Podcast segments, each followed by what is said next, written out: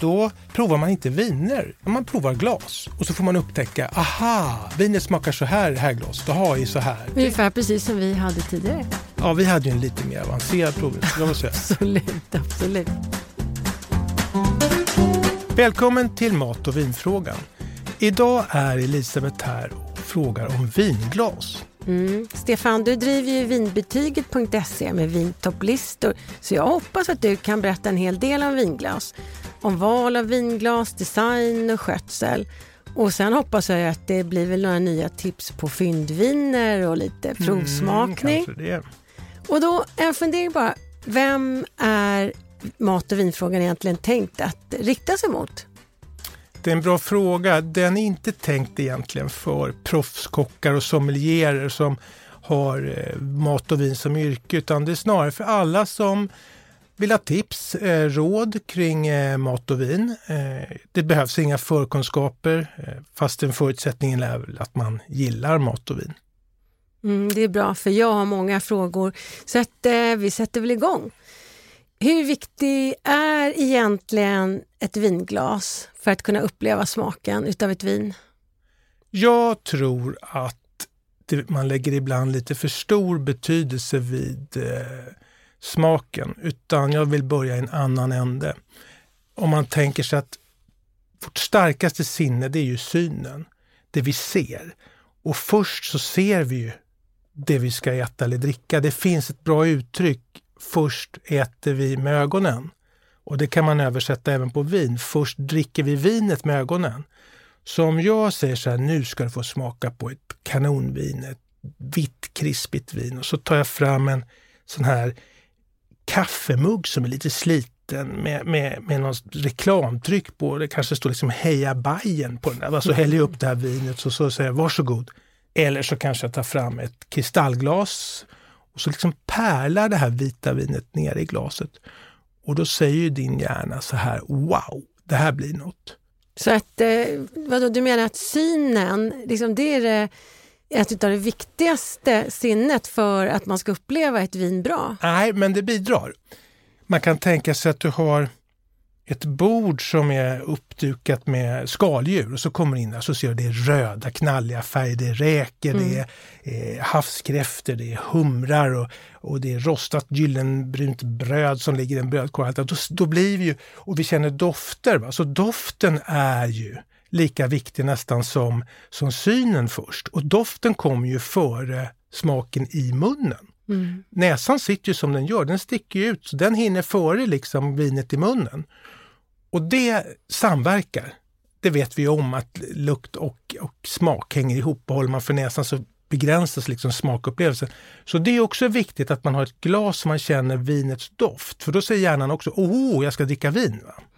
Så först synen, sen doften och smaken i munnen då? Ja, den kom ju sist. va? och den, man kan säga så här att det, det, det är många faktorer glaset bidrar ju om man gillar liksom känslan utav det och att doften kommer med glaset. Men vinet, hur det smakar beror ju också på temperaturen. Är det lite för varmt rött vin, det är inte så gott. Va? Eller ett vitt vin som är helt iskallt va? från kylskåpet, då känner man bara att det är kallt. Så att glaset har betydelse för smaken men jag vill poängtera att det, har, eh, det är många andra saker som påverkar också. Mm. Ett bra vin är alltid viktigare än ett glas. Och du kan inte rädda ett tråkigt vin med ett vackert, exceptionellt kristallglas. Och tvärtom. Du kan egentligen inte sabotera ett välsmakande vin. Om du serverar det i ett lite kort, kraftigt dricksglas så kan det smaka ypperligt. Men det finns ju jättemycket i glasets värld som liksom får det att bli roligt och trevligt att dricka vin. Nu ska Elisabeth blindprova glas. Hon tror att det bara är vinglas, men det är det inte utan det är uppblandat med helt andra glas också. Får vi se hur det här går. Mm, Elisabeth, nu ska du få provsmaka och då handlar det inte om olika vin utan det handlar om ett vin fast glasen är olika. Så ska vi se om du tycker att ett glas är godare än något annat. De har helt olika karaktär de här glasen. Nu häller jag upp här. Nu får du ha lite tålamod där. Du har alltså en ögonbindel på dig, ser ut lite som Batwoman skulle jag vilja säga. Mm. Så inga karatesparkar här med alla glasen. Utan, Nej, man får sitta still. ja, precis. Så där va. Men Mm. Batwoman är ju hård i sitt omdöme. Ja, är sträng som bara den. Nu tar vi, jag min hand och du lägger den på där och så för vi den till din mun. Och så tar du en liten sipp där. Du får inte hålla i glaset Elisabeth, Mm. fuskar du direkt. direkt. Första glaset fuskar du. Så. Mm. Det var väl jättegott va? Det här är ett bra vin, ska jag säga. Det är från Sicilien, vi ska återkomma till det. Det där glaset var lite klumpigt faktiskt. Men... Mm. Så, ja. Och sen så tar vi det här då. Mm. Men vad är det glaset då? Men om jag ska vara helt ärlig så tyckte jag det kändes nästan som att det var samma glas. Mm, bara en sån sak. Och nu tar vi det tredje glaset och då tar jag det till din mun. Är du beredd? Mm. Mm, Framförallt så blev det ju mycket, mycket mera doft. Mm, mm. Nu tar jag det sista glaset här så snurrar jag lite på det. Sådär, så att det får lite luft dessutom. Ska vi se om det... Men det gjorde du faktiskt inte på de andra. Nej, så, så då är det- det lite fusk. Ja, vi fuskar oavbrutet där. Vad, är du beredd? Mm. Bäst. Vad är bäst? Mm. Tack Elisabeth Absolut. för denna provning och jag är ganska glad, du är inte så nedspilld i alla fall. Det är väl Mm. en fläck där i knät va? men den får vi ta. Eh, varsågod och titta! Ja, se där. Wiener snapsglas. Ja, jag har provat det mesta att dricka viner, men faktiskt aldrig ett snapsglas. Och sen så var det ett vanligt dricksglas. Lustigt, det är ju ändå det är ju ändå ganska stor öppning på det här, för det jag saknade på det här snapsglaset det var att jag fick ingen doft. Nej. Det var som du sa, eller nu såg jag ju ingenting men, men doften slog ju emot så väsentligt mycket mer i, i det tredje glaset. Men det här fjärde, det har jag inte heller riktigt reflekterat över förut, men tjockleken på glaset. Mm. Att det, det är, blir mer en, en upplevelse när glaset är tunt. Mm, mm. Ja, eh, konklusionen, Ja. Det fjärde glaset smakade vinet Mm. bäst i. Ja. Då ska vi bara ta lite kort då. Det första det var mycket riktigt ett snapsglas på hög fot. Det andra är ett ordinärt eh, vattenglas kan man säga, ganska tunt ändå. Och det tredje glaset det är ett Orreforsglas som är lite old school. Det heter då, eh, kommer jag inte på vad det heter, men Chateau. Chateau? Heter, ja, precis, tack. Och det är då ganska tjockt kan man säga. Och det här var ju märkvärdigt när det här kom. Mm. Sen tror jag att det har fått en liten renässans. Men, så det här är, och det här är då ett modernt glas, det fjärde. Och det är ett glas från Riedel som är ett Pinot Noir-glas. Och det är ju då extremt tunt kristallglas. Pinot Noir-glas, jaha nu fick jag lära mig ytterligare någonting. Så du menar att det finns glas som är för olika viner helt Mm. enkelt? Det gör det eh, och det kan vi komma till. Det är lite special det där. Men all in all kan man säga att det finaste glaset, det nyaste glaset, det modernaste glaset och mest avancerade glaset, det vann i din test. Mm. Hur många vinglas har du hemma, Stefan? Alltså inte hur många stycken, utan hur många sorter? Ja, oj vilken fråga. Jag vet faktiskt inte riktigt. Jag har inte jättemånga olika vinglas. Eh, och det finns skäl till det. Att jag, jag har kanske inte plats och tycker kanske inte att jag har behov. Jag har glas som, som jag gillar. Liksom. Ja, men vilket utav alla dina glas är favoritglaset då? Bara ett glas? Okej, två då. Okej, men då börjar jag med ett då. Om vi säger att jag bara får ett enda glas. Då skulle jag välja ett glas som funkar både till vitt och rött vin. Det är ganska naturligt. Om jag bara får ha ett glas, då, då, då, så jag vill ju dricka både och, även kanske inte samtidigt. Och då skulle jag välja ett glas som har en eh, härlig kupa.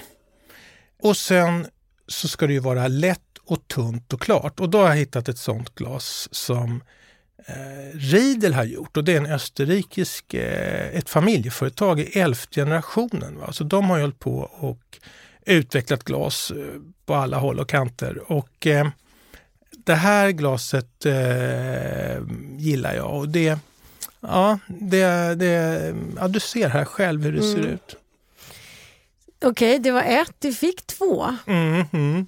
Vilket är ditt andra? Ja, men det är så här att jag för ganska många år sedan så gick jag förbi en sån här glasaffär, glas och porslinsaffär. Då såg jag ett nytt glas från Orrefors som den här duktiga designen Erika Lagerbielke hade gjort. Och jag blev helt fascinerad. Jag tyckte det var det vackraste vinglas jag hade sett. Och det heter Mature eh, och serien heter Difference och det här det är ett rödvinsglas eh, som är ganska stort och det har en kupa som är liksom lite, mm, lite sammanpressad nästan och så har en ganska liten öppning. Så det är ju för kraftiga röda viner. Och, och det är lika mycket egentligen att det är det kanske är mer att det är så vackert, fast det är väldigt gott också. Det är ett riktigt kristallglas som är eh, eh munblåst och allt sånt. Det är dyrt också, eller? Vad kostar det? Ja, det, tyvärr höll jag på att säga, men eh, dels så är de dyra för att det är kristallglas och sen så kan man säga, Rieder brukar sälja sina glas i tvåpack och det här eh, Pinot Noir-glaset, det, det är en serie som heter Veritas, det kostar runt 600. Och för det får man bara man får 500 för man får betala för ett mature-glas. Eh, men jag brukar tänka så här att de här glasen, de har man länge. Och så är det, jag har ju faktiskt önskat mig present, så mature-glasen har jag fått. Eh, och de här Riedelglasen det köper jag lite då och då och fyller på. Eh, det är ofta kampanj på vinglas, det ska man veta. Eh, och det är inte snålt, utan det är bättre. man kan gott göra en bra affär tycker jag. Men du Stefan, det här vinglaset nu som var din favorit, det har en väldigt typisk form. Och så tittar vi på den här klassiska Chateau och du har liksom olika... Vad, kan ett vinglas egentligen se ut precis hur som helst? Ja, det kan det ju. Det finns ju vinglas som har eh, ja, mm, väldigt speciella utseenden. Jag tycker kanske att ett vinglas inte bara ska vara som ett dricksglas som eh, ligger direkt på bordet. Eh, jag tycker att det ska ha de här tre delarna. Först kupan som luftar vinet och den ska gärna vara stor. Och sen så ska det vara ett ben och sen så ska det vara en, en, en, en, stabil fot så att det är välbalanserat. Och, och det är inte alla glas som är det.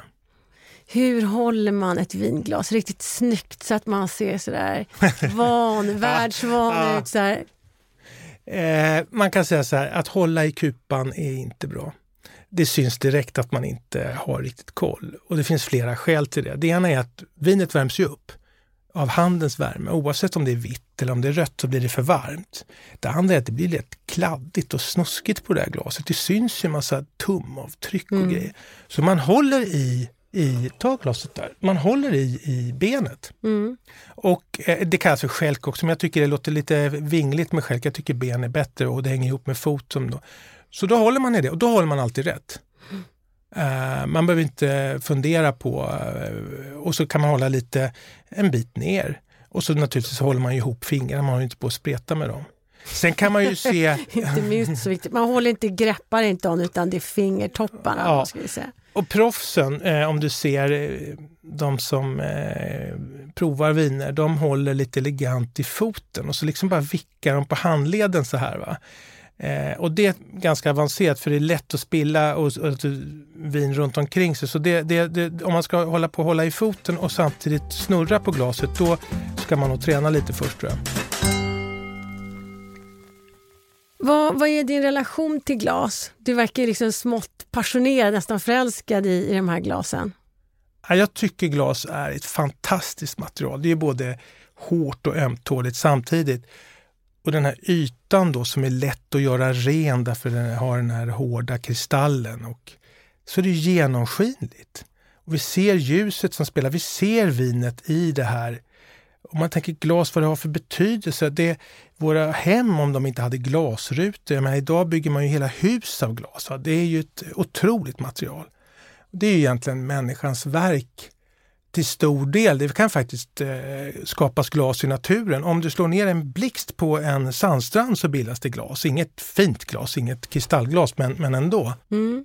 Men du nämnde ju tidigare att det finns glasserier som har särskilda glas för vissa druvsorter. Kan inte du berätta lite mer om det? Ja, just det. Det är ju att man har tagit fram ett glas som ska framhäva det, den druvan optimalt. Eh, det finns glas då för Cabernet Sauvignon eller Pinot Noir eller Zinfandel och så vidare. Och det här är ju då för den som är specialintresserad, skulle jag säga, som är kunnig på vin. Kan man inte skilja på, vin, eh, på druvorna, då behöver man kanske inte specialglas för den druvan om man inte ens vet hur den druvan riktigt smakar i relation till andra druvor. Det finns alltså speciella glasprovningar. Eh, bland annat Riedel har det och då provar man inte viner, man provar glas och så får man upptäcka, aha, vinet smakar så här i det här glaset, aha, i så här. Ungefär precis som vi hade tidigare. Ja, vi hade ju en lite mer avancerad provning. absolut, absolut. Men, men ser du någon trend i det här med glas? Mm, ja, lite granna.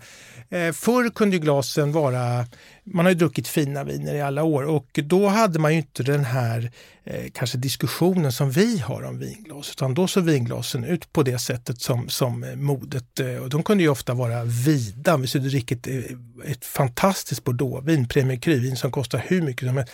Då kunde ju glaset vara eh, ett ganska brett glas. Och det var ingen som klagade på det. Och, men idag så har det gått mot framförallt större glas, tunnare glas. Eh, men jag tittade häromdagen eh, på olika typer av glas. Det finns fortfarande som det här Chateau väldigt raka glas som kommer nu.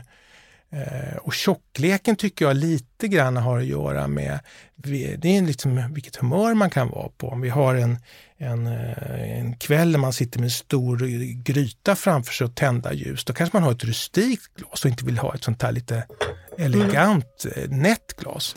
Eh, och jag, när jag lagar mat då kan jag ha ett sånt här lite tjockt dricksglas med en vislatt i och det är supergott.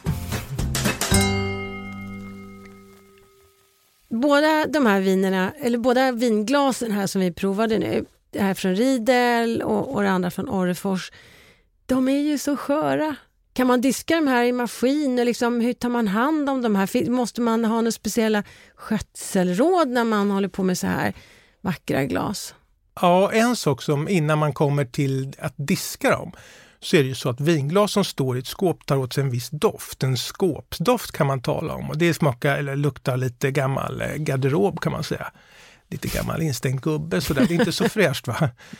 Och du kan ju tänka att du har gäster och så plingar det på dörren så springer du och öppnar och så ska du ta fram eh, något gott bubbel och så tar du fram dina glas som har stått där, för du använder inte dem varje dag. Och så häller upp det där och det första man känner det är lite unken garderob. Så glas som eh, står i skåp behöver i alla fall sköljas då och då, för annars så doftar de. Det är en standardgrej. Eh, sen är det så glas som står väldigt länge, de får ju en tunn, lite fet hinna på sig. Mm. Och det är inte så elegant heller. Du öppnar det här fina vinet och sen så häller man upp och då är det liksom för sent. Va? Då är vinet i glaset så det är helt liksom täckt med någon lite fet sådär hinna. Det vill vi inte ha. Eh, men eh, generellt så kan man säga så här, kristallglas bör man väl inte diska i maskin egentligen. De här glastillverkarna, oavsett om det är Orrefors eller Riedel eller vad de heter, de brukar ju ge, ange på sina glas. Det här är maskindisk, det här varsam maskindisk och det här är handdisk. Jag tycker att det enklaste sättet att eh, sköta vinglas det är att man sköljer ur dem direkt och sen tar man en sån här nu låter det som en sån här husmorstips verkligen. Eh, alltså en blomsterspruta med jäsdiskmedel i, kanske två tredjedelar vatten och en tredjedel diskmedel och då sprayar man på glaset. Då blir det, täcker det hela. Istället för att det är en liten koncentrerad klick mm. som ska liksom äh, räcka till hela glaset. Och Den andra grejen det är ju att om man öppnar sitt skåp och ser ett flottigt glas och så tänker man jag snabbdiskar det där och så står gästen och väntar där. Och så tar man och öser på med diskmedel eh, och så sköljer man lite och så torkar man det där snabbt och så häller man upp vinet. Diskmedel kan döda vilket vin som helst. Det här glaset har ju små, små porer som vi inte ser. Och där gömmer sig diskmedlet och så kommer det fram när vi häller i vinet. Så att skölja glasen, det är superviktigt. I kallt eller varmt vatten? Alltså, det, det, det, förr tror jag man alltid sa kallt vatten för det skulle bli klarare. Men jag är inte så säker på det där. Jag menar, diskmaskinen har ju varmt vatten. Vad, vad jag fått lära mig det är att om man har ett sånt här kristallglas som man vill att det ska vara liksom inte, inte massa droppar på, då tar man det direkt från, vi säger att du har diskat det i diskmaskinen då. Och så tar man en sån här duk, smart duk för glas och så torkar man det direkt lufttorkar då får man pip, pip, pip, pip, pip, små, små vattendroppar som är lite grå sådär. Det är inte så kul. Så ta hand om glasen. Ja, absolut. Det finns ju då onekligen många aspekter på vinglas. Det har vi ju förstått här. Kan inte du bara summera det allra bästa? Ja, men jag tycker så här. Vinet är alltid viktigare än glaset. Glaset har en biroll och det är eh, vinet som har huvudrollen. Så det gäller ju att välja rätt vin. Vinglaset kan absolut förstärka upplevelsen.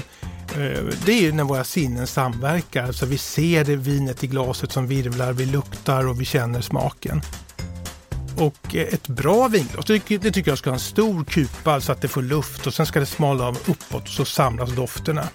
Och det här var ju också något som vårt lilla spontana glastest faktiskt visade. Det var ju glaset med kupan som var favoriten. Och visst är glas en väldigt trevlig present att både ge och få. Och är man varsam om sina glas så kan man ju ha dem hela livet och, till nästa generation.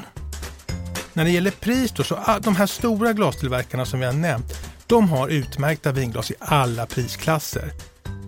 Och är man då lite speciellt intresserad av glas som är druvspecifika, eh, då finns det särskilda glasprovningar man kan gå på. Och så har vi det här med skåpsdoft då, att glaset tar åt sig en lite unken doft när det står i ett skåp en tid. Och det där är ganska lätt att ordna, man sköljer eller diskar dem lätt bara. Men det är värt att göra det. Och sen ska man vara försiktig med för mycket diskmedel. Det här diskmedlet det kan gömmas i glasets små ojämnheter. Och sen när vi häller i vinet då löses det här diskmedlet upp eh, sig då och det är inget gott. Så där, skölj, skölj noga. Och så absolut det viktigaste, det är att du gillar dina vinglas. Glas är ju goda vänner.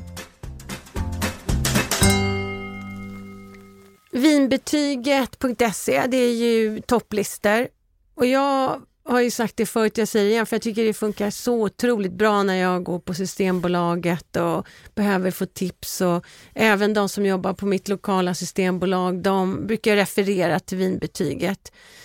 Men berätta lite, liksom, vad, hur, hur, fungerar det här? Alltså, tanken är ju så som du använder, det är att det ska vara enkelt att använda i mobilen.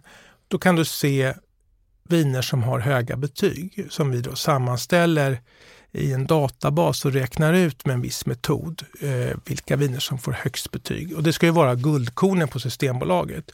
Så alla vinerna på topplistorna eh, är bra, vill jag hävda. Annars så kommer de inte med. Men hur får du fram de bästa vinerna? Ja, metoden går ut på att ta expertbetyg från pålitliga källor. Och ju fler betyg från olika och ju högre betyg totalt sett det blir, desto bättre är oddsen att man kommer med på listorna. Alla vinerna, oavsett pris och så, många tittar efter land, man gillar ett visst land. Eller, ja, den här prisnivån gillar jag. Eh, så söker man där. Mm, det är det jag gillar. Så enkelheten just för sådana som jag som gillar att dricka vin men kanske inte kan så mycket och få de här tipsen. Har du några bra tips? Där, vi kan gå tillbaka till det här vinet som vi provade i glasen tidigare. Jag tyckte att det blev ju bara bättre och bättre. Men berätta lite, vad var det för vin som vi mm. drack då?